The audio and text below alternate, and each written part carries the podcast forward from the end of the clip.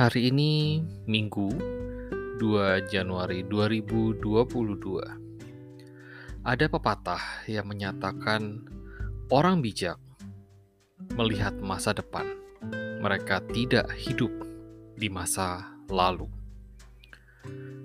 Pada hari kedua di tahun 2022 ini, mungkin sebagian besar dari kita masih larut dalam euforia tahun baru masih membayangkan kenangan akan tahun 2021. Memetik pelajaran dari tahun lalu adalah hal yang baik. Tetapi jangan lupa untuk mempersiapkan diri menatap masa yang akan datang.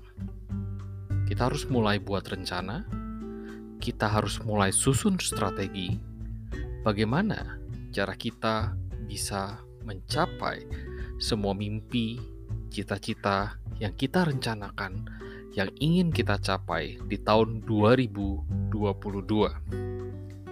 Selamat hari Minggu, selamat beraktivitas.